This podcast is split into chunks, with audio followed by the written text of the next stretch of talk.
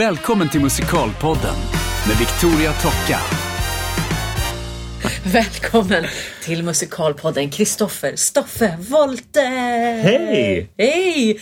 Vad roligt att träffa dig, det var länge sedan. Ja, det var det. Vi, vi har bara springa på varandra på stan. Ja. Typ. Jag kom på det nu att jag faktiskt, det är 20 år sedan jag gick ut skolan i år. Precis. Ja. Och det var då vi jobbade ihop första gången. Ja, det var det. I Just Into det. the Woods. Just det.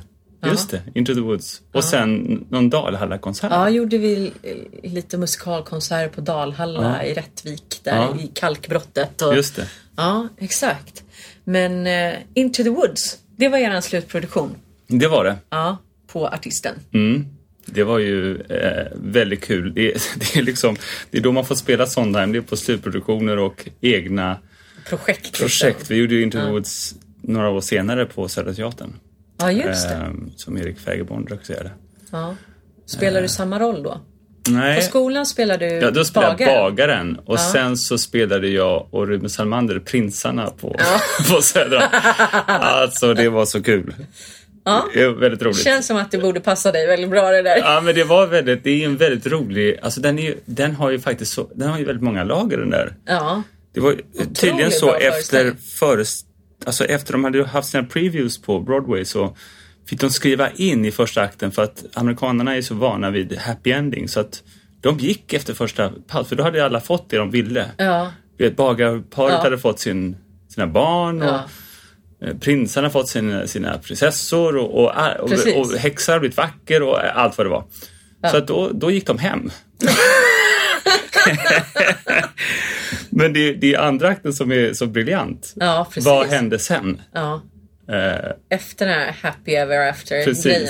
ja. Vi diskuterade det här nämligen om eh, Into the Woods häromdagen och eh, jag kommer ihåg precis, vi har pratat om det, men första mötet vi hade på artisten, jag vet inte om du minns det här, men så frågade Staffan mig om jag kunde tänka mig att vara naken på den här gungan som Rapunzel. skojar du? Nej men, du var ju Nej, där! jag har inte, du... helt, helt förträngt. Ja, men det är jättemärkligt för du tyckte nämligen just då att det var en jättebra idé. Ja, det, men du vet, under, under skoltiden så var inte det så chockerande. Nej. Det var så här, ja men, ja, men det, var, det kan man väl vara. Alltså det var ju så här, Ja. det bara, nu ska jag, liksom, det ska mycket till om man ska ställa sig naken på en scen. Liksom. Ja, Men även du kanske du var lite, du kom, du var lite friskare. Nej, men jag kom ju liksom från Balettakademin. Men det var ju mer så att han hade någon vision, vad jag förstod, om den här lilla John Bauer, prinsessan i skogen, Ja. för Rapunzel. Ja. Och så skulle det var lite så här modern tänk, hon skulle vara på en gunga typ och uppe i taket eller vad det var istället för ett torn då. Ja. Och så ställde han frågan, men vi kan ha en peruk som liksom täcker allt. Och, så här. Och jag kände att nej, men jag kommer ihåg att du var väldigt positiv. Jag ber om ursäkt. Nej, det är lugnt. Det är lugnt. Nej men alltså det, det, Det blev ju inte så. det så blev inte så. Men Nej. alltså, överlag tycker jag att det ska mycket till om man ska vara naken på scen. Så jag har i så fall reviderat den uppfattningen. Ja, precis. Nej. Nej, men det kan jag hålla med om. Eh, ska du vara naket på Men scen? nu får inte så- Staffan försvara sin tes här riktigt heller. Han Nej, men få... det var ju säkert en jättebra Ja. idé där. Ingen kritik mot Staffan. Det Nej. var bara en väldigt rolig så här, typ första gången jag träffade Kristoffer Wolter. Typ. Uff då. ja, nej, det var så trevligt. Det var en jättekul produktion att vara med i faktiskt. Det var det verkligen. Jättefin produktion. Ja, det var det. Också väldigt kul med samarbetet mellan skolorna. Verkligen. Ehm, Ja, och du har ju hunnit med otroligt mycket efter det. ja, alltså jag fick ju en skjuts in i branschen i och med att jag gjorde Les Misérables på Värmlandsoperan. Okej. 96. Det gjorde jag ju som min praktik. Eh, som gjorde som Marius då.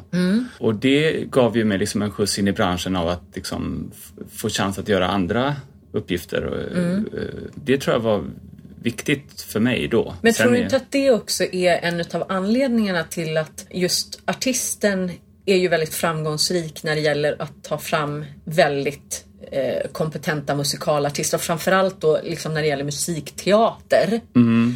Eh, och att i och med att den utbildningen har så få elever och bra Ja, men det är snarare, Alltså, det är precis, det är snarare det. Alltså, jo, men jag menar inte- bara på att Ja. skolan är ju, just artisten är ju väldigt duktig på att bygga de här kontakterna där eleverna får komma ut på Ja. Mm. väldigt bra praktiker också.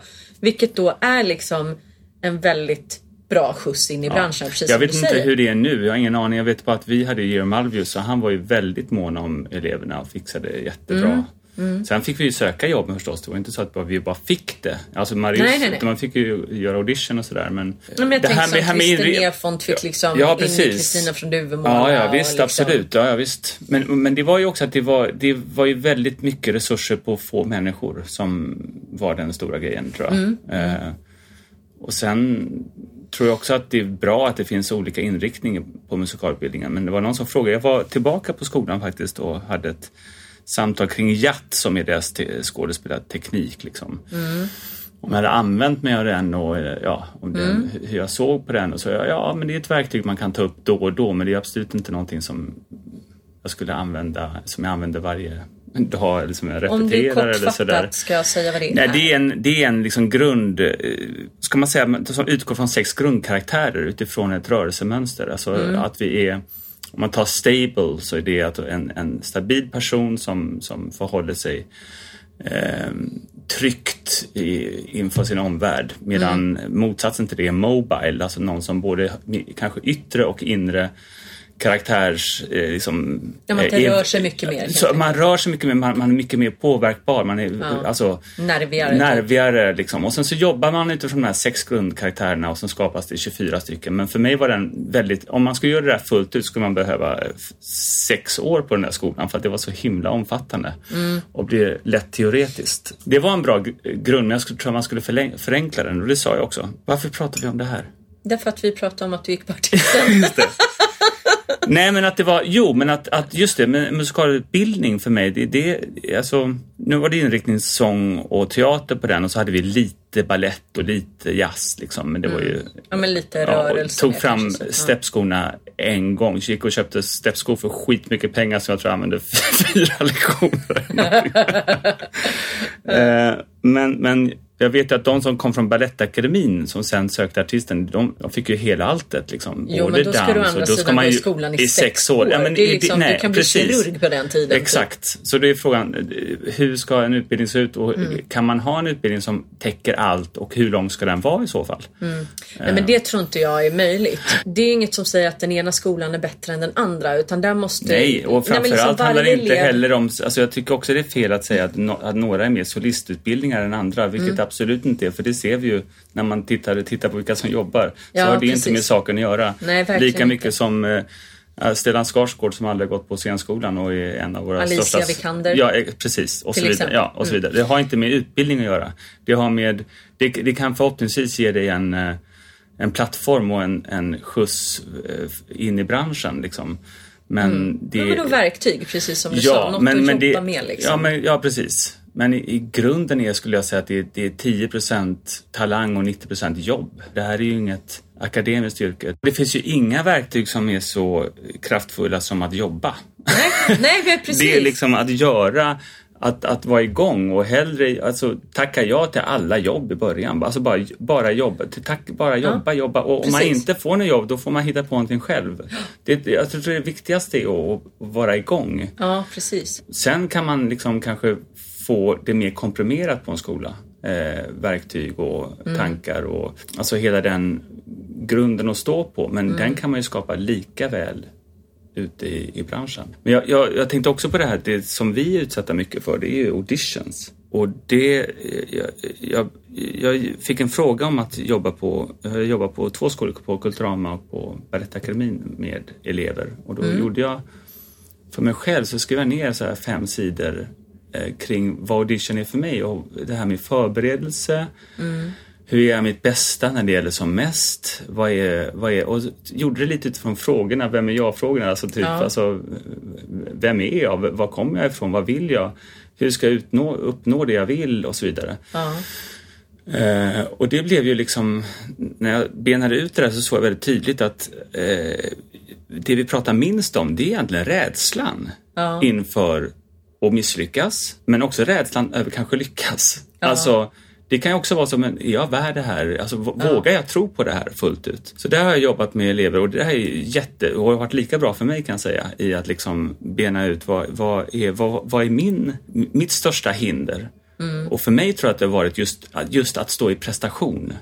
Och det, det, det är det minsta jag ska vara i när jag står på en audition. Jag ska inte vara i prestation överhuvudtaget. Jag ska vara i mitt, i min, som jag kallar det, i min linje, i mitt bästa. Ja.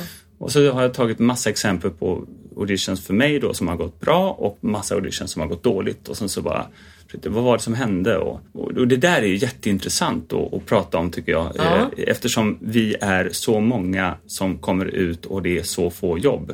Så Ja, precis. är jag i mitt bästa när det verkligen gäller. Och det, det där, ja, det, där är ju, det där kan man ju prata timmar Ja, men det- om, bara ja, det att det ämnet är kan jag säga. väldigt jag- komplext Ja, ju. det är det. Och att vi inte pratar heller. Jag tänker också på det som händer efteråt, eftervård efter men- Eftervård. Eftervård, ja men jag kallar det verkligen eftervård för det, Vin kallar jag det. ja. ja, det, ja, det är ett sätt. Ja. Absolut. Ja. Nej men alltså, det, för det är ju sån jäkla påfrestning och man, man Ja, kan ju må framförallt- bra efter en audition. För fan, jag kunde inte ha gjort bättre. Fan vad så här, Men det är ändå en Mm. Men tomhet då, kom, ja, som men uppstår. för då kommer ju också alla de här frågorna och Ja. tvivlet. Liksom, jag gjorde verkligen mitt bästa. Kommer det räcka? Kommer jag få det? Jag vill så gärna ha det. Speciellt om det är någonting som du verkligen vill ha. Eller hur? Absolut. Och, då, och, det, och där, där har jag ju suttit på båda sidor. Jag har ju Mm. suttit både att ta in i, en, i produktion Mm. och jag har själv stått där. Liksom. Precis. Eh, och det intressanta är att det kan komma in en person och göra en fantastisk audition fast det har ingenting med den roll, alltså Det man behöver eller det man söker. Nej men eller det, det, kanske, det kanske är en superbra audition men typen var inte alls det vi trodde eller, eller såg eller, eller Nej. kanske, ja. Så det, det, det är så många parametrar på Mm. det är inte bara att man sjunger eller dansar eller, eh, utan det handlar också om oerhört mycket om personlighet liksom, Mm. och vad man sänder ut i energi och liksom allt det där. Eh, Det jag kan tycka man borde vara bättre på, på från produktionssidan det är att man vet så att man inte gör de här stora, stora auditionerna utan ja, det, åh vad svårt det här är. Ja, det är jättebra med att ha en stor audition för att alla får chansen. Men ibland så är det lite också att man ger en massa förhoppningar till människor som kanske... Eller var, så här, var tydligare helt enkelt med, ja men vi ska ha den här typen, ja vad bra, men då tar vi tio av den här. Alltså så, alltså om det nu är så. Jag förstår vad du Ja. menar men ibland så kan det ju också vara så att man faktiskt upptäcker guldkorn. Kan Jag tänka, Verkligen. om du får se folk som Absolut. ja, men du vet att, att man som producent eller regissör eller vad det nu må vara kanske faktiskt ändrar sin idé för att man liksom helt plötsligt ser någonting och bara, ah, fast det där var ju också häftigt. Ja. Och, alltså, så att det är ju svårt. Ja, det är svårt, men jag kanske blandar ihop det med filmauditions också för att ibland, jag fick sitta och läsa emot eh, Annika Bengtsson som skulle bli den nya Annika Bengtsson. Ja, eh, och då var det tio stycken och då var det så här diametralt olika människor som kom in så att jag tänkte, men producenten har inte tänkt någonting här, vad, vad är det Mm. Nej. de vill? Ja. Alltså, då måste jag ha någon, ja men hon ska vara Och alla var förmodligen skitbra. Ja, ja visst, liksom. men det var som, men det är inte schysst mot dem att skapa, tänker jag Nej, då. precis. Samtidigt som det är bra att alla får chansen, så det är, det är en jättesvår fråga. Ja. Jag tänker så här, ska man liksom casta en stor huvudroll i en tv-serie eller i en musikal Mm. eller så, då kanske man har en tydligare bild eller bör ha en tydligare bild. Ja. Men jag tänker mer sådär, det som är lite synd nu Mm. tycker jag att det känns som att det är otroligt få auditions. Framförallt om jag tittar på alla de som ska ut från skolan och Ja, ska ja, börja verkligen. söka sina första jobb. Ja. Så de får ju knappt komma på auditions Nej, längre. nej, nej. Så att de får ju ingen träning i det heller. De går liksom på en, två, inte vet jag, men alltså några auditions om året. Och då blir ju det monumentalt stort och viktigt. Ja. Och då kan jag förstå att man liksom Ja, blir nej, det här är en jätte, det här är en jätte, ja precis, och exakt. Och? Mm. så, så där har vi allt från hur, hur är jag mitt bästa när det verkligen gäller fram till den politiska frågan liksom, Mm. som det faktiskt är. Ska man ha så jäkla många musikalutbildningar och så har man massa institutionsteatrar som gör eh, musikal för att kunna göra sin smala opera eller för att kunna göra sin smala teater och så har vi privatteatrarna som då måste eh, tävla mot en institutionsteater för att de börjar sätta upp ungefär samma sak som en Mm. privatteater gör. Och deras uppgift som privatteater är egentligen bara det, de ska ju tjäna pengar. Och då måste de ha kända namn, eh, oftast då. Mm. Ja. Eh, Och så hamnar man i den här spiralen, man, liksom. Ja, så hamnar man i en spiral och att man, man tar de 20 toppmusikalerna som går runt, runt, runt. Liksom. Mm, Eh, För båda gör det av kommersiellt syfte.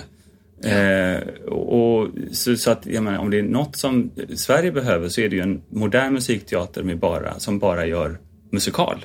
Ja. Eh, och som, som är institution och som vågar satsa på nytt och vågar satsa på liksom smalare eh, genrer och som vågar ta in rätt person för rätt roll hela tiden. Liksom. Amen på den känner jag. Ja.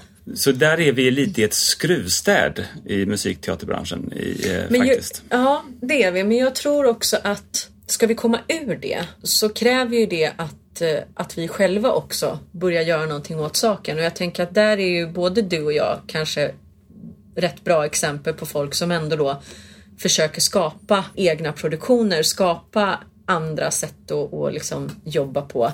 Liksom. Ja, men det borde vara en del av skolan. Man borde Ja. ha ett, eh, ett block som bara handlar om eh, skapa sin egen föreställning. Ja. Eh, För den... den hur jag, du producerar, hur du liksom... Ja, jag producerar och, men framförallt våga stå för någonting. För det är ju det, man sticker ut hakan när man gör någonting. Mm. och, och det är inte så himla lätt alltid. Eh, att våga, att dels våga eh, göra det och nummer två, hur gör jag rent praktiskt? Hur gör man med pengar? Hur gör man med liksom, eh, Ja. eh, produktion? Vilka ska jag ha med mig? Eh, vad är det som behövs? Mm. Att bara göra, få en, en, en grund i det Eh, och att det inte behöver vara så himla komplicerat. Det räcker ju egentligen med att man kanske börjar med en pianist och sen så Ja, Eh, precis. Du vet. Och sen så har man en idé om en, en skriven text och så har man en idé om en sång, sånger och sen så sätter man ihop det där och sen så börjar man jobba. Eh, och sen bestämmer man någon liten teater eller någon litet ställe eller kanske ett sommarkyrka eller whatever liksom. Som, Ja, Bara för att få, i, få igång det tänket och att det allt är möjligt på det. Ja, Eh, precis. eh, Det skulle man behöva. Och du, jag vet ju att du gör Broadway från Duvemåla. Ja, från och det- Broadway till Duvemåla. Ja, exakt. Den gör du ju... Den, Helt själv. Helt själv. Ja. Jag gör, det är lite så här, jag syr mina egna kläder. Riktigt så illa är det inte. Vi, men eh, alltså, det är verkligen så. Jag har gjort allt från liksom, loggan till att boka lokaler till att skriva kontrakt till att eh, alltså, Ja. och just eftersom att det har, har växt väldigt fort så har det ju blivit väldigt, väldigt mycket jobb väldigt snabbt.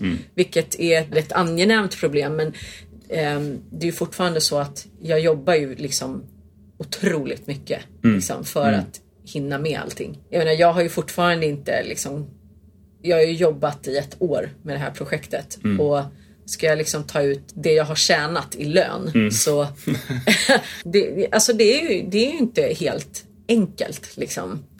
Nej, det är det inte. Eh, Och då är du liksom ändå ute och ska Men å andra sidan så, jag menar, nu gör du ju en ganska stor produktion med ganska Ja. stora omkostnader. Man kan ju också göra en liten eh, produktion. Absolut. Alltså där man kanske bara är tre, fyra stycken.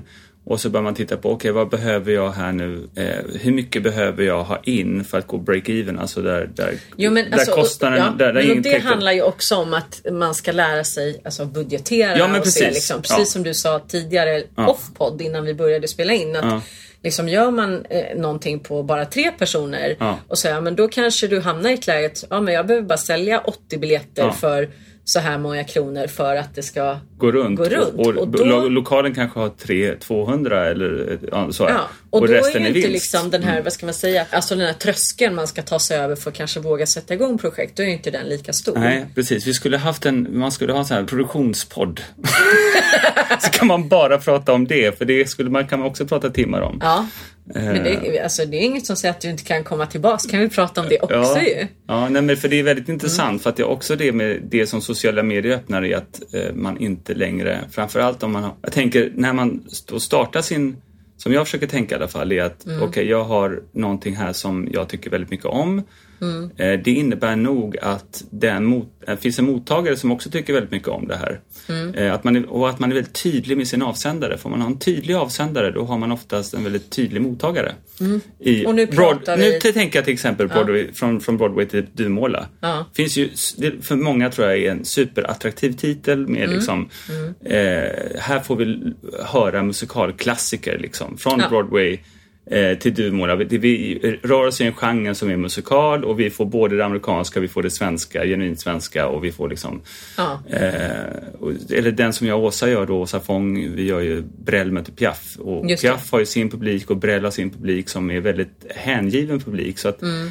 Och vi är en ny generation som kommer och gör detta. Och då märker vi, har vi märkt, framförallt ute i landet, att det är otroligt liksom, gensvar i, Ja, i att folk eh, tycker, det är sånt fruktansvärt bra material. Ja, Liksom. ja.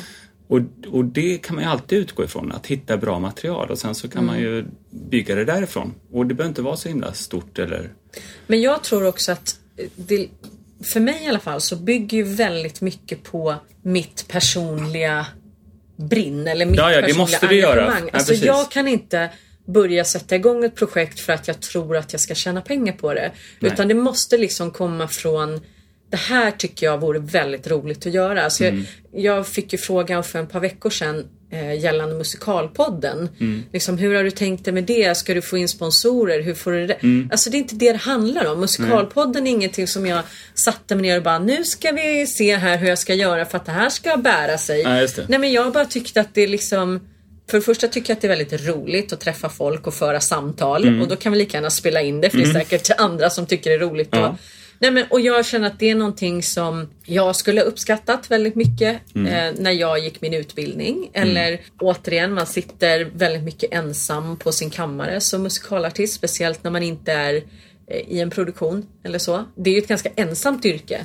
Det kan vara kul liksom att Ja, sitta och nej, men, eh, lyssna på hur andra haft det. Alltså antingen liksom hur andra har utbildat sig eller hur all andras karriär har sett ut. Det finns ju någonstans en röd tråd i allas berättelser eller i alla de här samtalen att liksom en karriär går upp och ner. Det Ja. går i vågor. Det ibland går det bra, ibland går det dåligt, ibland tvivlar man, ibland är allting toppen liksom. Verkligen, och det finns inte en person i det här landet, eh, men in, inklus, inklusive Helene Sjöholm, som inte varit mellan jobb. Liksom. Nej, eller Peter Susanne- Jöback, Eller eller Peter Jöback eller så. liksom. Nej, men precis. Och, och om man tittar på Peter, vilket driv han har haft. Otroligt Ja, men driv. precis. Fantastiskt driv. Eh, Men jag tänker också, jag var ute och turnerade med eh, Vem är rädd för Virginia Woolf? Alltså med Christer Henriksson Susanne Reuter. Och då berättade hon att hon hade varit borta i tio år från branschen för att hon ville vara hemma med barnen. Ja. Och sen fick hon lägga man. Hon skrev liksom, jag vet inte, hon skrev hundratals brev liksom. Och, och Ja. alltså, hallå jag finns, eh, du vet, hej hej, här är jag igen Ja, efter ja. tio år. Eh, Och som har jobbat, jobbat, jobbat, jobbat. Sen, sen att det är i kombination med en extrem talang och Ja, ja, skådespelerska. naturligtvis. så, men men det, men det är bra att säga det, för det är så lätt att man säger ja det är bara jag eller så. så när det är, när man, när man är mellan jobb och man inte vet och sådär. Det är Nej men man träffar inte så himla många andra och sen är vi väl lite till mans också kan jag tänka mig. Jag kan bara utgå från mig själv men ofta när man träffar folk bara kanske så här snabbt på stan eller Ja. på en audition så här, ah, vad gör du, hur mår du? Så är det liksom, man tar ju alltid bara upp det positiva och bra. Allt Mm. är bra, det går så bra. ah, jag ska göra det här, allting är toppen liksom. Och sen så tänker man så här, fan. Nej men förstår vad jag menar. Ja. Så att liksom, man vill inte kanske blotta sig eller så här att det är läskigt och bara... Nej, och och man, framförallt inte i en audition-situation. Det är ju nej men det gör man inte. Men jag liksom. menar liksom ju- annars också så här att man liksom... Fast jag tror det är viktigt. Man det pratar ju nej, sällan nej, om och det, liksom att resan är ganska bumpy för de flesta. Liksom. Men verkligen. Och, och, det, och det är jätteviktigt att, att, att, att ha någon att dela med. Ja, och, och, liksom, och det är klart att man kanske har i sin partner eller sina närmaste vänner och så här, men jag tror att det Men kan... i branschen tänker jag. Ja, men jag tänker att men det... Ja, det kan man göra väldigt enkelt i en produktion för det är väldigt Mm. lätt att göra det när man är igång med någonting men det är Mm. Mångdubbelt svårare när man verkligen inte har något jobb. Mm. Och jaha, eh, liksom, då, för då känns det ju extra, extra hårt. ja. Eller om, än, än om man är i en produktion, vad ska jag göra sen? Nej, jag vet inte, det är jobbigt. Men nu jobbar jag ju, så nu är det bra. Eh, Sådär. Ja, ja men Ja. precis. Eh, Men och jag kan också tänka mig att i och med att det finns eh, betydligt många fler musikalutbildningar än vad det sen kommer finnas jobb när folk kommer ut så kan jag tänka mig liksom att väldigt många utav de här som är på väg ut nu och nästa generation eller vad jag ska säga. Alltså det måste ju Det är inte så himla lätt för dem heller för att jag menar vilka ska de prata med? De som är lika gamla som inte heller vet någonting Nej, och som också det. precis ska ut. Nej. Så att jag menar jag tror att för deras skull också jag, så, så kan jag tänka mig att till exempel Musikalpodden kan vara en så här bra, det kan vara skönt att bara sitta, ja men de har jobbat i 20 år så att de har ändå lite koll liksom på, Mm. eller så här, det går upp och ner, de känner så här, de har också tvivlat och mått dåligt eller liksom, men det löser sig och det går bra. De tänkte så här, förstår jag jag Ja, menar? men det var som, jag fick ju den frågan av en, en eh, vän som så här, när jag hade gått ut skolan, jaha, och han var äldre då, han sa, ja, och Skåne, ja, vad ska du göra nu efter liksom 15 år när det inte finns några roller kvar? Jag bara, vad menar du? Nej men alltså nu kan du spela prinsar och sådär ett tag, men sen då? Och jag Tack. tyckte det var så otroligt provocerande fråga. Ja. Men sen, det låg ju en poäng i det. Ja. Eh, liksom för att nu är jag också i brytpunkten där att jag Just nu spelar jag liksom fortfarande så här halvung soldat, läkare, 30 plus eh, Ja. fast jag är 40 plus. Så. Ja. Eh, Men jag kom in i brytpunkten att göra de här liksom, papporna nu, liksom, eller Mm. vad man ska säga. Och, och, och de är det ju färre av. Så Ja. är det ju. Eh, och är ju ännu värre tror jag för kvinnor. Som, Ja, och, och, även i, och även i teater, alltså i, i ren talteater så är det ju liksom ett glapp där mellan 40 och 55. eh, Liksom Mm. innan, alltså att det ser också ut så utifrån hur dramatiken är skriven. Alltså om man tittar i ett långt perspektiv. Och då kommer jag ihåg att jag tänkte, fan, det här gäller det att vara bred. Det måste man göra. Eh, Så jag har ju alltid försökt köra parallella spår, försökt ha en, liksom en, någon form av talteaterkarriär och försökt få in film i det bredvid det. Och sen musikal och sen då sång, ren sång, alltså konserter. ja, just det. Jag har försökt att hålla mig brett och det kanske är fel, jag vet inte fan. Men, men, men, är det, men och nej, det är fel, inte rätt och liksom? fel. Och, och det ligger bara i, i mig och också vad jag, kände, vad, Ja. vad jag kände för. Liksom. för ibland kan jag också ha problem med min egen bransch, alltså Mm. med mu- musikal, när man går och ser något liksom, som är Åh gud, är- det det här jag eh, älskar eller tycker om? Eller så. Och, det, och, det, och, och svaret på det är nej, du måste inte älska musikaler. Du Nej, måste men det inte älska så, du måste inte älska all, all- film heller. Nej, eller all teater. Det finns Nej. dålig teater och det finns dålig eh, film och det finns bra film, bra teater och det finns dålig musikal Ja, och det finns bra musikal. Ja.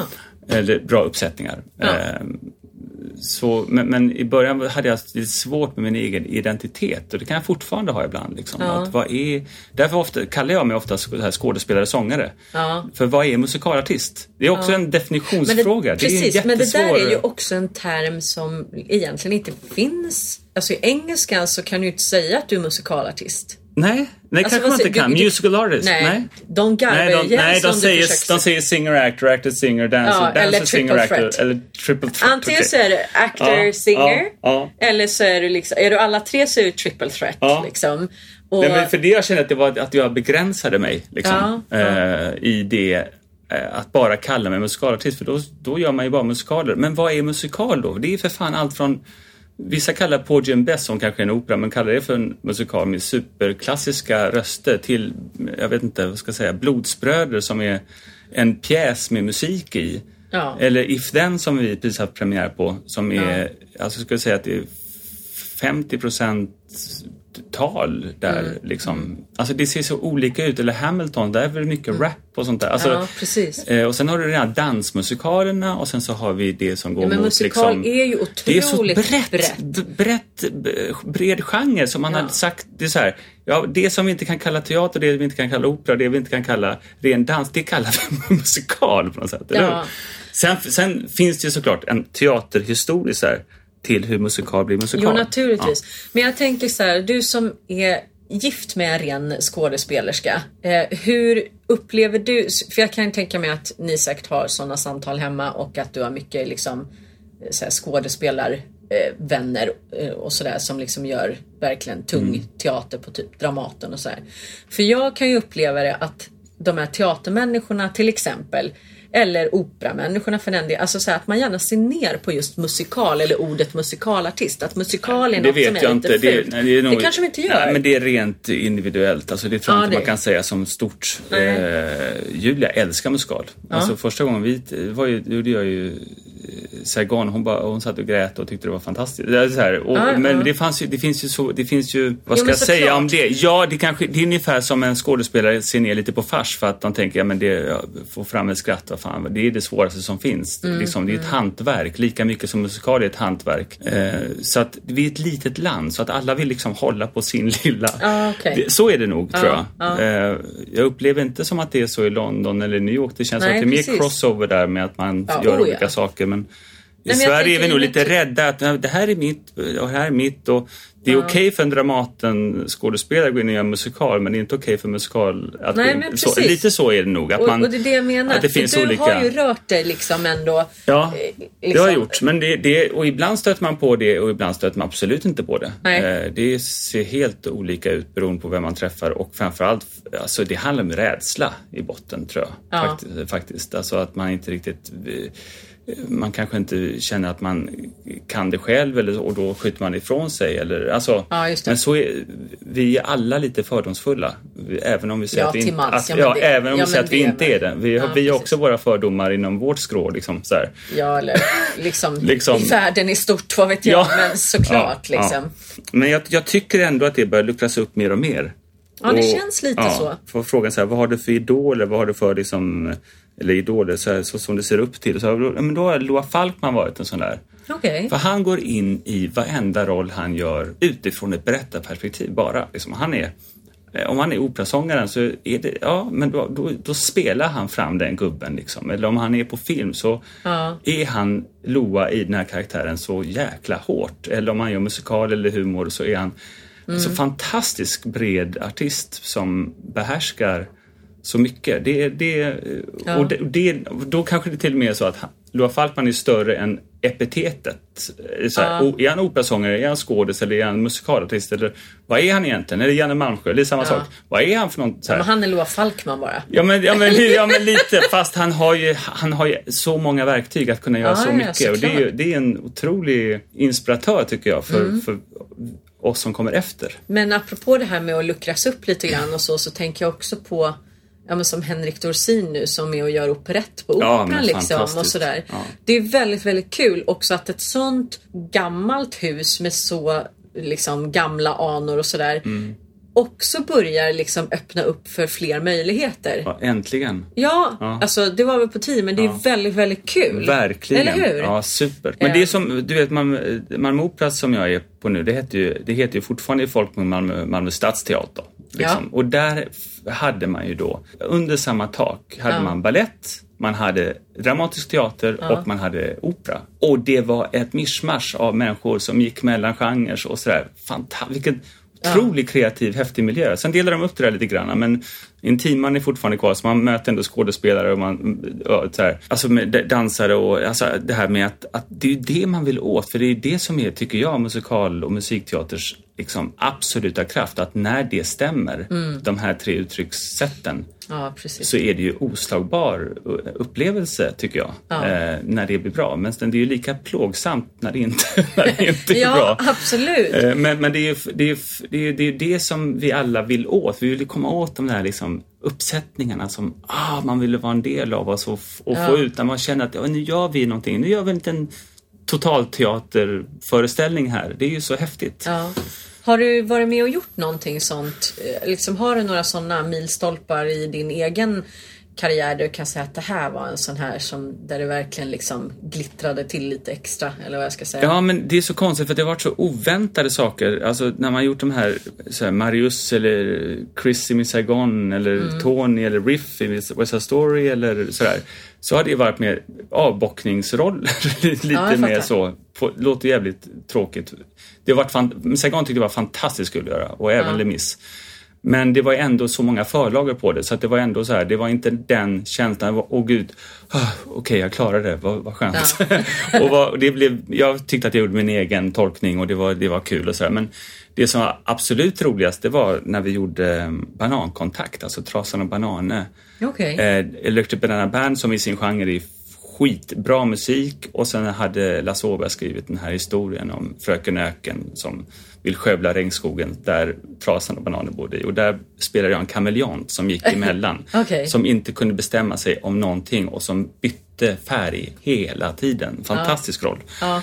Och hela den föreställningen var så fylld av lust och alltså fantastiska kostymer med ett jätteviktigt budskap om miljön och publiken älskade det och vi älskade det och alltså det var så här, det var en sån eh, som jag innan tänkte, ja men det, det ska väl bli kul men det blev så ofantligt kul. Eh, Ja, vad roligt. eh, faktiskt. Och det finns några sådana uppsättningar som liksom på något sätt sticker ut. Jag tycker även den Tänk om som vi gör nu, att det är så kul att man opera vågar satsa på någonting som är så pass smalt ändå. Även om den kommer från Broadway så den gick ju inte där så länge och den är väldigt speciell och komplex. Ja, jag var och, såg den på Broadway faktiskt, Ja. en utav previewsen. Ja, och här är någonting, det här är något helt annat. Här är ju jag liksom en scenografi som är helt öppen och, och Ja. inte alls realistisk och Filip har verkligen försökt göra det liksom myllrande och levande och eh, sådär. Och det, den är som den är och, den, och Linda Olsson gör en, bara det att få göra Mm. vara med i en sån musikal med en sån jättestor kvinnoroll, det händer ju inte heller Nej. så jävla ofta. Ja, det finns ju några av de här gamla... Ja, alltså, Jo, jag tror, och jag tror att det är liksom en hel del nytt också som är på gång. Liksom att man Ja. har börjat skriva mer för kvinnor faktiskt. Ja, det är ju ett välbehövligt av kan jag mina säga. hjärteprojekt är ju Broarna i Madison County. Åh! Som liksom bara egentligen cirkulerar runt Francesca. Jag Eh. älskade den filmen. Då var jag tillsammans med en tjej som heter Katrin och hon satt efter jag, jag satt kvar i salongen och bara du vet sådär, kunde inte gå ut. Hon var ganska oberörd och så var det flera andra av mina killkompisar som hade haft samma upplevelse. Att de hade suttit och var helt knäckta medan tjejerna var såhär, ja, ja men det var en bra film och lite sorglig och sådär. Men det var, jag vet inte vad det var i den berättelsen som gjorde att den gick rakt in i mig i alla fall. Ja, ja, otroligt. Och eh, musikalen, jag såg den på Broadway två gånger. Då kan jag säga att då satt jag och så här, Helena Bergström snorgrinade för mig själv. Och jag gick dit, första gången jag såg den, då såg jag den helt själv. Eller det gjorde jag båda gångerna, men då första gången hade jag liksom ingen aning om vad jag skulle förvänta mig. Så jag hade ju inte ens med mig liksom något Nej men det är väl härligt med de där, de, säga. de, de upplevelserna är väl helt fantastiska. Ja, men man känner sig lite så här, man sitter här och bara... Alltså Ja, nej, jag, jag- såg verkligen ut som ett vrak. Ja. Fullständigt vrak var Ja, jag. ja, jag vet inte, den där filmen tog mig jättehårt. Jag vet fan vad det var. Men jobbar du och Åsa i ett eh, gemensamt produktionsbolag nu så att ni planerar att göra fler saker ihop? vi, vi, det började med att jag fick frågan från Anita Willman att göra en egen show eh, som hon ville prova ute i landet och då kände jag att jag inte var redo för det. Och då hade jag den här idén om Brell, som jag gjort den på Vasan. Ja. Eh, och Åsa som hade gjort sin Piaf-föreställning. Ja, just det. Och att de, det är samma genre, det är ungefär samma tid, de kompletterar varandra väldigt bra. Och så sa jag, men jag har den här idén, ja kul. Ja. Och det var, ju, det var ju faktiskt Agneta som, som verkligen satte igång den, hela den eh, idén och produktionen fick sin början. Så det var inte det som jag sitter och och proklamerar nu, att jag gick och hyrde teatern. Nej, utan det var att hon men sen har det, den, det har givit mig liksom på något sätt, sen tog vi över den eh, och jag har vidareutvecklat den och gjort den med allt från symfoniorkester till tre musiker och, och, och verkligen liksom försökt göra den till vår, ännu mer vår egen och Ja. utvecklat tagit bort låtar, lagt till, hållit på liksom. Och, ja. Eh, och då också hyrt eh, stora ställen och bara hur ska det här gå och sen så fått bara jobba liksom. Ja, precis. Och, och i någon gång har vi fått ställa in och då till, ja, till exempel Halmstad, då fick vi inte, då, då hade det inte sålt allt som vi Var hade tänkt. ni spela Halmstad, Halmstad? Teater. Ja, okej. Mm. Och så ringde jag upp där och jag fick liksom inget eh, svar. Är det svårt i Halmstad? Eller så? Ja, ibland är det svårt, ibland är det. Alltså, hur man nu pratar Halmstad. Jag tyckte det var fantastiskt. Ja, jag vet inte, det, det, det var mer småländska tror jag. Ja. Nej men alltså säger och då, nej, men, då, och då, och då, och då säger, då säger, då säger men eh, hur går det för de andra? Så- så, eh, Ja, Sven-Bertil Taube, han skulle ju vara här och han har fått ställa in sin. Ja, Okej. Ja, Men what, vad fan? Eh, Okej. Okej, Det låter ju asjobbigt. Jag ska till Halmstad i höst. eh, Ursäkta, jag tror eh, vi ställer in. Nej men det kanske var den här genren som inte funkar där. Ja, precis. Ja. Musik, alltså Broadway, Nej, alltså- Duvmåla kanske funkar perfekt. Ja, det kommer jag ju märka snart. Ja.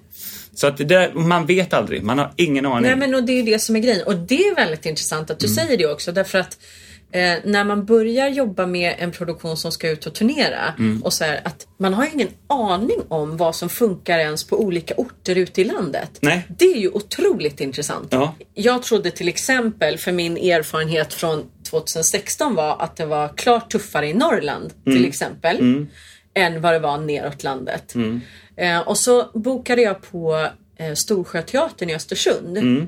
Vi får se, som jag tänker med allt. Ja men vi kör liksom. Och just Östersund, det sålde slut på en månad. Så där har vi fått lägga till föreställningar Wow. i höst. Grattis, vad Därför kul. att, ja, alltså föreställningen i Östersund ska spelas den 28 april. Mm. Det var utsålt innan jul liksom.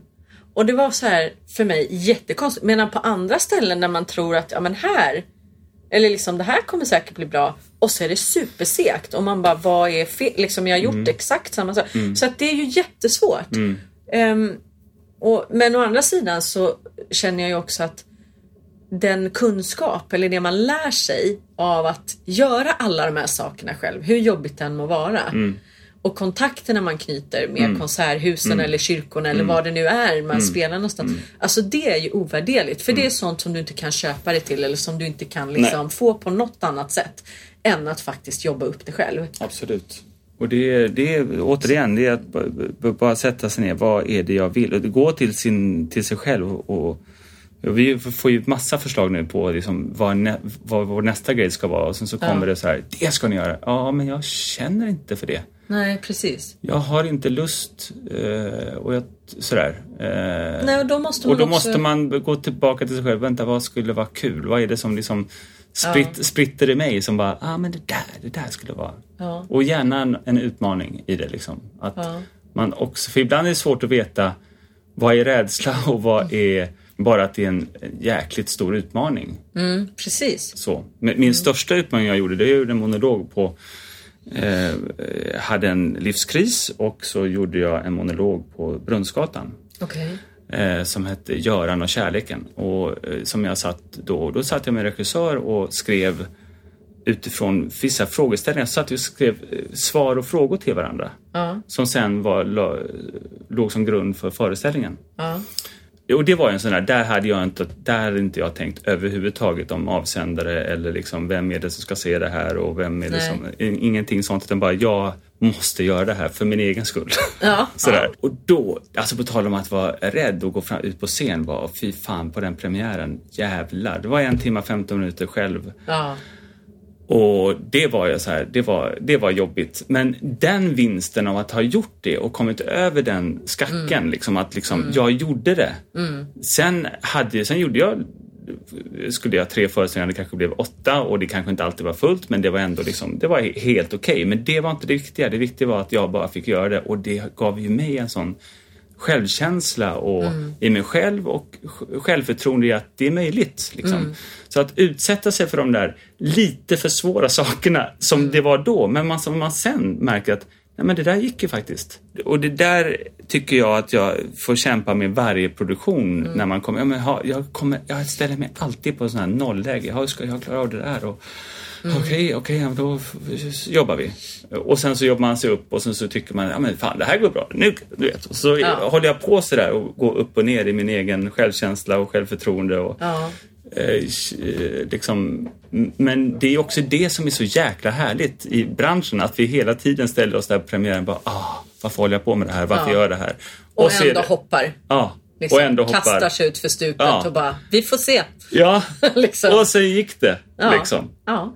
Det är också det är fantastiskt, tycker jag.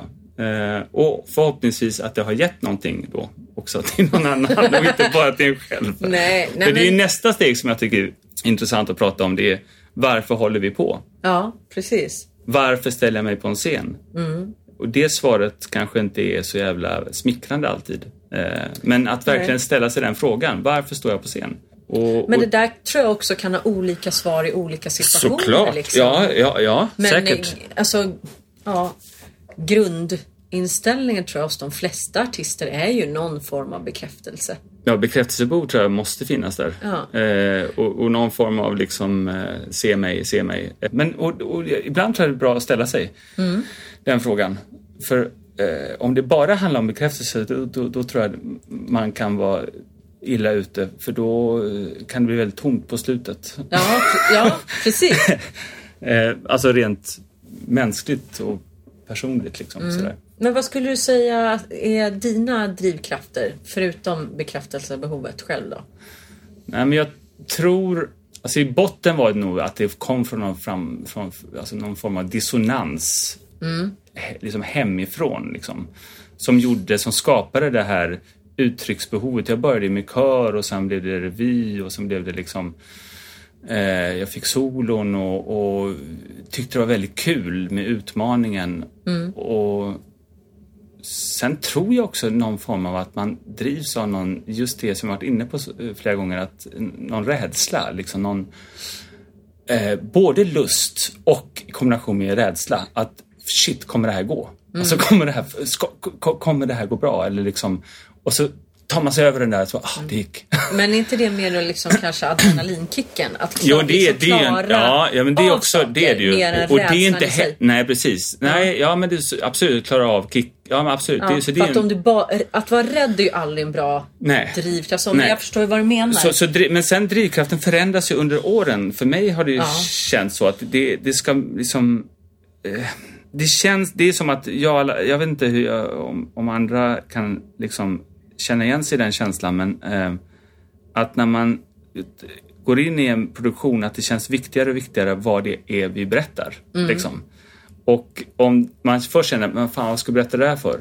Så, så hittar man på en anledning för sig själv. för att liksom, ja men det här är viktigt. Fan, det, det handlar om utsatta människor. Det och just nu är det jättemånga som är utsatta här på, och man tittar på Ja. tiggare. Så det, det är viktigt liksom. Ja. Att man skapar sig liksom en Ja. nästan artificiell bild av, av eh, behovet som man, det är faktiskt det är in, ett inre behov av att liksom att det ska vara meningsfullt. Eh, att det, en, att det, den ingrediensen blir viktigare och viktigare. Ja. Ehm, sen kan man ju säga att det är meningsfullt att, bara, ja, men att få en person att skratta eller känna någonting eller ehm, gråta eller Ja, Eller att- börja tänka efter. eller börja tänka vara. efter. Ja, eh, och det, det kände jag jättemycket med min egen monolog, att det satte igång tankar hos andra. Och Mm. Vad är det egentligen vad han, vad han varit med om? Och, du vet, sådär. Eller Ja. i mitt eget liv, vad, är det har jag, vad, vad behöver jag titta på för någonting? Och vad är det som Mm. i mig som bråkar och som, som jag behöver ta itu med? Mm. Eh, så att det är både en inre liksom resa att liksom känna att jag utvecklas som person och även då yrkesmässigt. Att, att vilja bli bättre och eh, Ja. vilja hit, hitta nya uttrycksmedel och försöka eh, vidga det. Men vad ser du framför dig nu då? Alltså just nu är du i Tänk om, eller If Then, Mm. på Malmö Operan. Vad vill du själv göra framöver? Ja, jag har ju då mina egna projekt som jag vill fortsätta driva. Ja. Ehm, eh, både egna och tillsammans med Åsa då, som vi, eftersom vi tycker om att jobba med varandra. Och det är också en sån fantastiskt, alltså när man är två personer så är det ju ett plus ett blir inte två, det blir fem. Ja, jag vet. Eller hur? Alltså Ja. när man har någon parhäst eller någon som man tycker om att jobba med och som, där man hjälper varandra. Det blir så väldigt mycket enklare och roligare. Ja.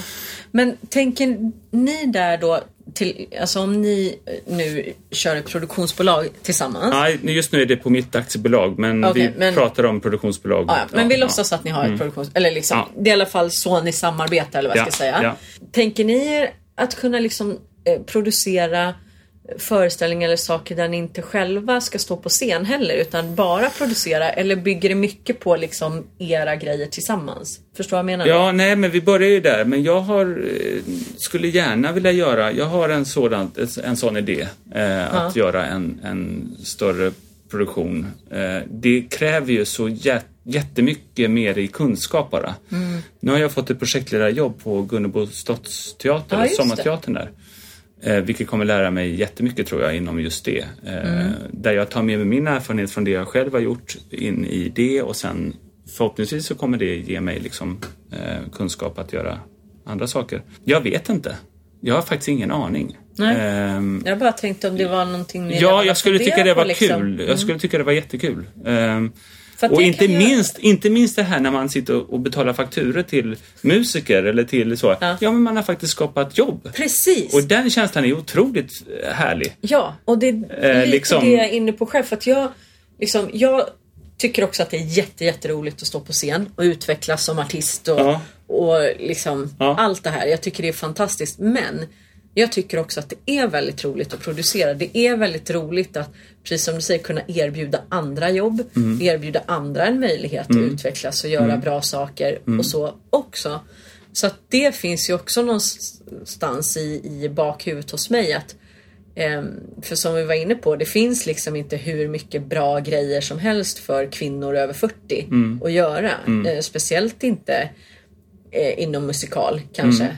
Eh, och jag känner också någonstans att om inte jag har en uppgift i en föreställning eller, alltså, som känns meningsfull, behöver inte vara en huvudroll liksom, men någonting som känns som att det utvecklar mig eller är spännande på ett eller annat sätt. Då s- liksom producerar jag hellre eller gör någonting annat Ja, men som det är känns samma sak. utvecklande. Ja, men, liksom. så det, har, det skriver jag helt under på. Ja. Nu har jag fått en, ett erbjudande till hösten som ville göra Kapten von Trapp i Sound of Music. Okej. Ja, varav jag då fick eh, det först jättesmickrad och sen lite eh, förolämpad, jag säga. Nej, men inte förolämpad.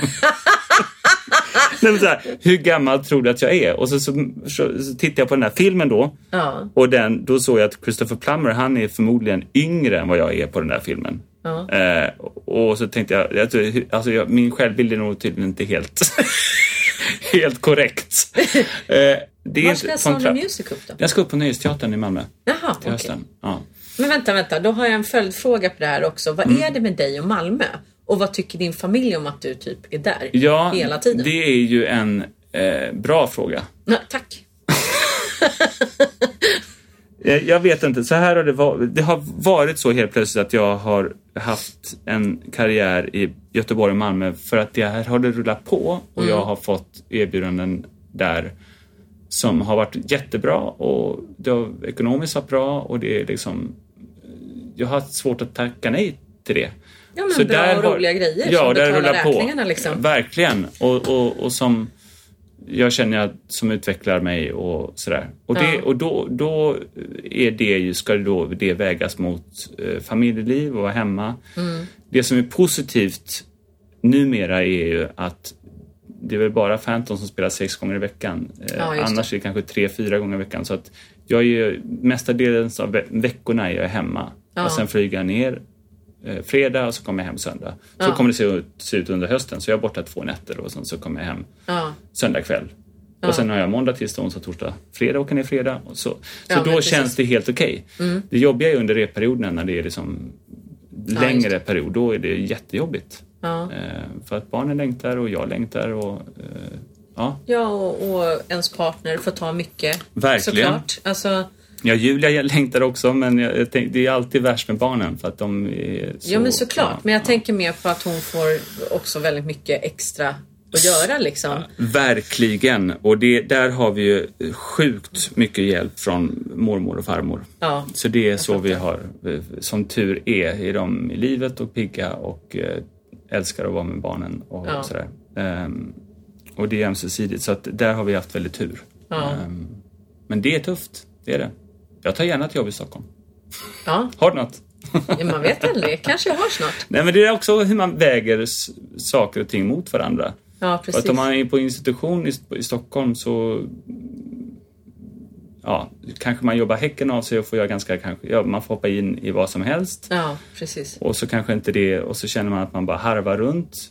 Här har jag ändå chans att välja, eller liksom, ja men det här vill, det här vill jag göra. Ja, men det är klart att det finns positivt och Ja. negativt med allt liksom. Ja, och att jag känner mer på det än att vara hemma. Och då, ja, men det där är jättesvårt. Det är ett där, svårt det är vårt det- yrke i ett det är det. nötskal. Liksom. Precis. Att vi hela tiden ska hålla på och väga privatliv och yrkesliv. Liksom.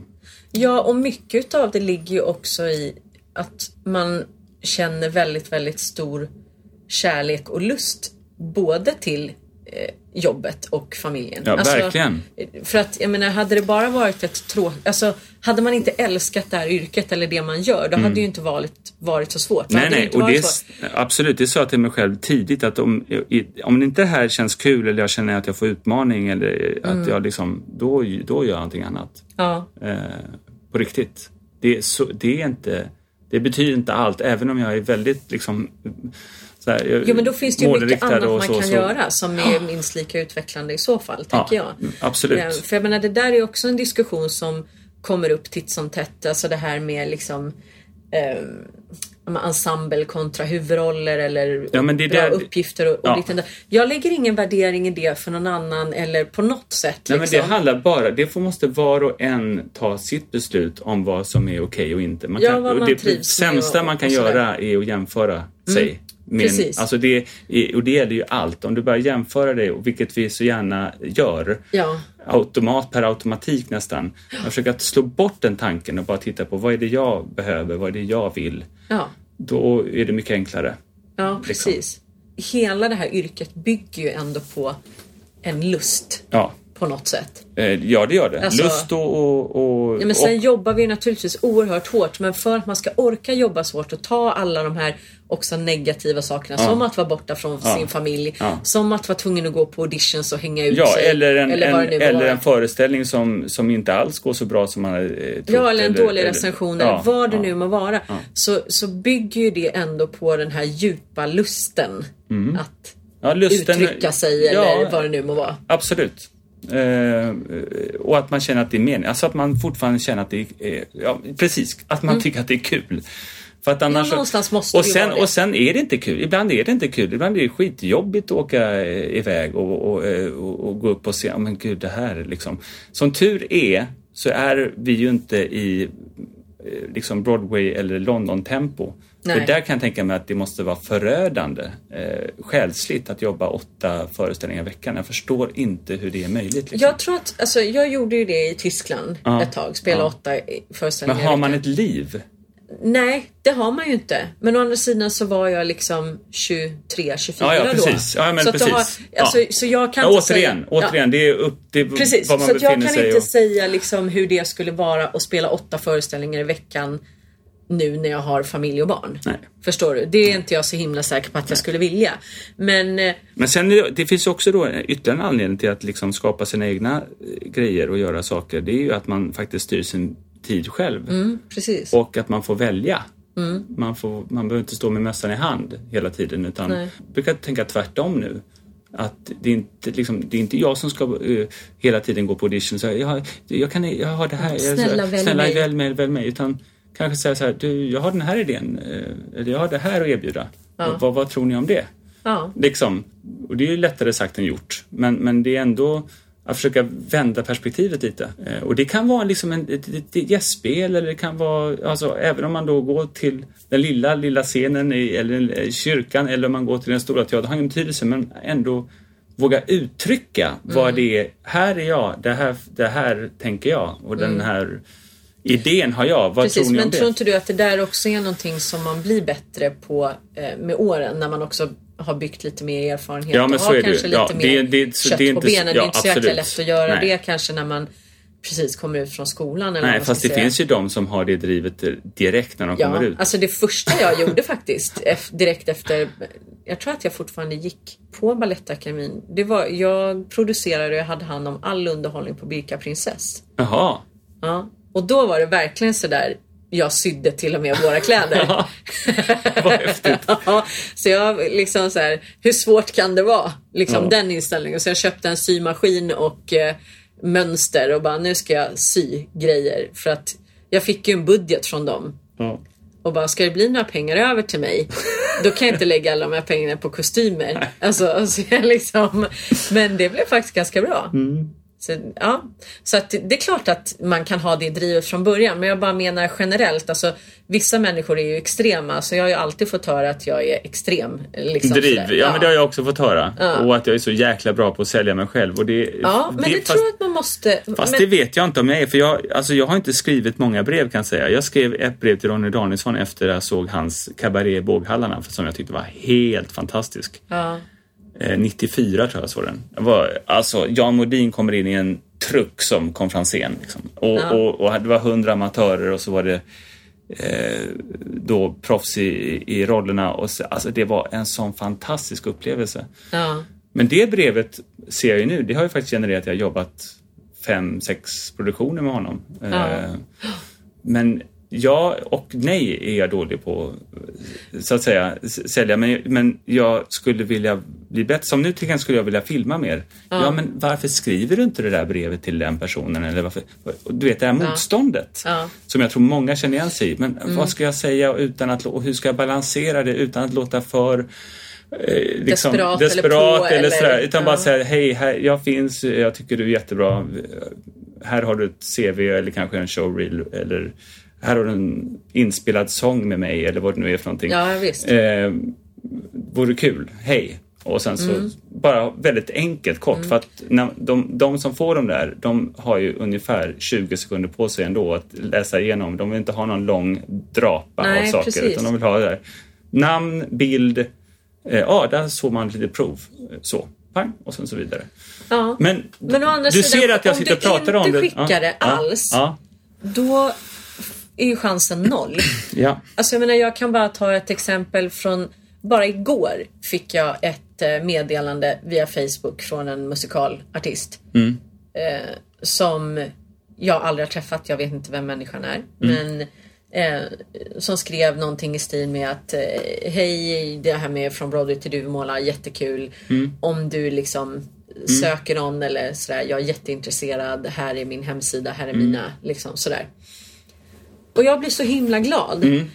Därför att dels så är det någon som visar intresse. Som erbjuder mig någonting. Jag får upp ögonen för någon som jag liksom inte kanske hade koll på innan. Just i det här unika fallet så eller liksom från Broadway till Duvemåla just nu finns det liksom ingen Vi är bara fyra stycken och alla fyra vill vara kvar just nu. Men jag håller ju på med massa andra grejer. Och då fick jag direkt en idé att man, ja, men den här personen kanske skulle kunna passa för det här.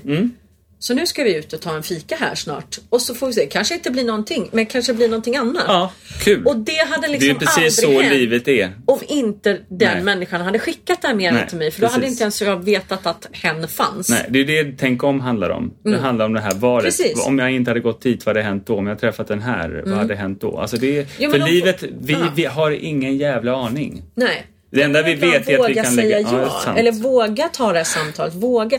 Jag menar, det är också en så här röd tråd som återkommer i alla de här samtalen i podden. Mm. Att liksom, det finns hos varenda person så finns det minst en gång eh, liksom i karriären och man bara, ja ah, men liksom jag ringde eller jag skickade det här Mm. eller jag sa det här och så hände det här. Så att, att liksom våga. Ja, och i att För våga det är ju är inte också... så jävla farligt att ta ett telefonsamtal Nej. liksom. Och, och det tänker jag också att det... Eller skicka ett mejl då om man tycker det är jobbigt att prata i telefon. Ja.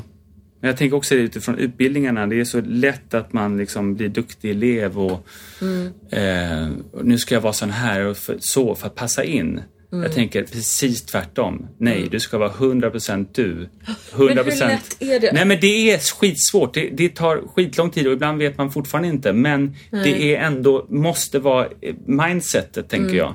Därför att vi vill inte ha, varken som publik eller som medspelare eller som producent, någon som försöker vara någon annan än den är. Nej. Utan, Men den där fällan har, kan jag säga att jag själv har fallit i väldigt många gånger, speciellt när jag var yngre. Ja, ja, men jag att man fattar. vill Jag med. försöka vara det. Absolut. Vad jag- vill de jag- ha? ja, Då ska jag liksom vara sån. Och det blir ju aldrig riktigt bra. Nej, nej, visst, absolut. Och ibland har jag gått in och gjort auditions med någonting helt annorlunda än vad de sökte bara, bara för att prova den andra tesen. Liksom. Ja, okej. Hur gick det då? Det gick inte alls bra, såklart. Men men, men, men så, länge, så länge man gör det, det man gör, då Mm. känns ändå liksom utifrån mig, så att jag är i, min, i mitt centrum och i min frekvens. Mm. Då är jag i mitt, i mitt fulla jag, än att jag ska försöka liksom, eh, eller min fulla potential. Mm. Liksom.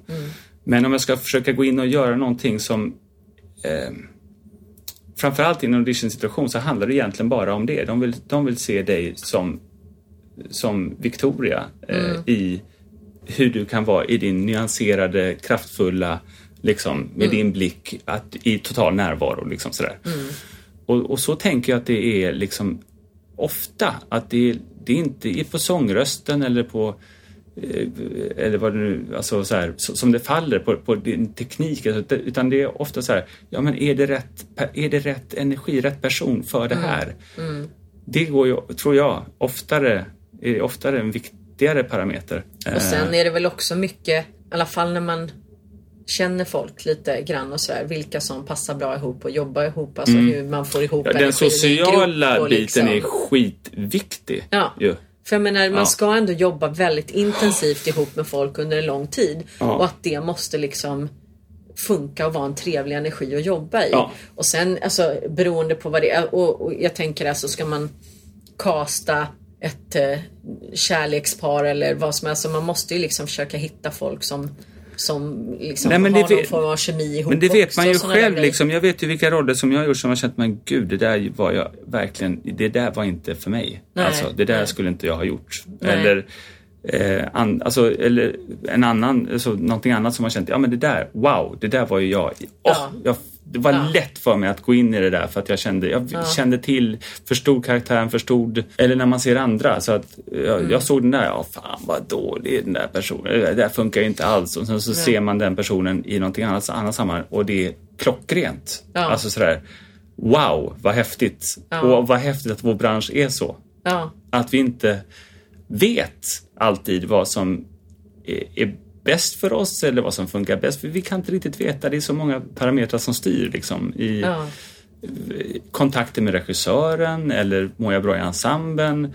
Eh, känner jag mig trygg under repetitionerna? Vilket gör att jag Mm. kan vara fullt ut i, liksom, i kreativitet. Mm. Alltså, det är så många saker som styr i att jag ska kunna göra ett bra jobb. och, Eh, som, och sen ska mm. alla dessa pusselbitar från alla ihop ja, och skapa Ja. förhoppningsvis magi. Men ibland blir det ju pannkakor. Det är ju inte så himla Nej. konstigt heller. Nej, nej, Alltså, absolut.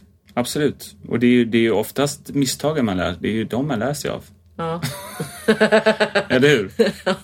De lär man sig jättemycket av. Som en missad entré så bara... Nej, har du gjort det någon gång? Missat entré, ja. Ja. Herregud. Den, ro, den roligaste var nog, det var i, jag var på Oscars och gjorde Freddie My Fair Lady. Okej. Och då, då kom jag ut från mitt första möte med eh, Eliza då. Ja. Och så går jag ut och byter om till nästa scen. Ja. Där jag ska ha ett par röda strumpor på mig. Aha. Så jag sitter i min loge i enbart kallingar och röda strumpor. Ja. Ja. Då kommer Tommy Körberg förbi och säger, du, ska inte du vara på scen nu? Och då har jag slutackordet till att jag ska vara tillbaka och fråga efter Eliza. Nej, Alltså jag varav jag, magen. varav jag hör får med mig. Det enda jag får med mig. Jag tänkte det viktigaste är att jag kommer för sent i, i tid. Jag Det enda jag får med mig är en rock. Ja, så får ni tänka resten själva. En rock som jag håller som en blottare för att jag inte ska liksom, vet, visa resten. Förutom Alltså, att jag man, den här rocken magen. slutar ju liksom precis under knäna så att resten är ju liksom ja, bara vita ben och röda strumpor. Och kommer in liksom bara, har du, har du sett min mamma? Nej! Alltså... i- Jag sa det inte som en blottare, men, men, men, men det, var, det var ju precis, alltså, och fy satan vad var jobbigt. Det, och då har man ju så då, då, om man missar en sån, Ja. då, då, då, då köper Vad man en då? whisky. Nej, man måste man köpa en whisky till Jaha. ensemblen. Så. Ja, det har aldrig hänt mig. Så aldrig köpt en så whisky. dyr och fin whisky Nej, kan jag säga. fan, alltså jag får ont, så ont i magen av att höra det där, Kristoffer. Ja. Men det är en sån, det, det där lär man sig, det där händer ju inte igen kan jag säga. Nej. Nej. Nej, sitter med ångest. det bästa är Johannes, Johannes Brost. Han har ju suttit i, det var typ logen bredvid i någon annan eh, uppsättning där han sitter och eh, löser korsord så här lite glatt. Så här. Och så, Ja. så hör han i skvallret en sång. Så här, na, na, na, na. Helvete! Då är, då är det hans nej. egen, Åh herregud, då är det hans egen sång. vad den här känner jag igen. Nej, fy fan. Ja, det är sådana här fritt fall-lägen. Ja, Men det är också... Ja. fritt fall. Ja, Ja. det skulle man kunna kalla det. Alltså, mm, Men jag- det, det tycker jag också, vi- det är någonting jag faktiskt eftersträvar mer och mer. Att in, alltså försöka vara lite... Filip Sandén hade den, han sa det, eh, det till ensemblen. Ja, okej, tänk mantrat för den här, eh, det här genomdraget är att eh, ni alla släpper ringmuskeln. Så jävla bra sagt. Okej. Ja, Ja, ja. Alltså så. lose, lose up liksom. Ja. Ja, eh, släpp ringmuskeln och så en jävla riktning på det så kommer det nog bli bra. ja, men det var ju ett skönt slutcitat på den här podden. Tack så jättemycket för att du ville komma och prata med mig idag, Stoffe. Kristoffer Wolter. Tack själv. Tack. Musikalpodden med Victoria Tocka.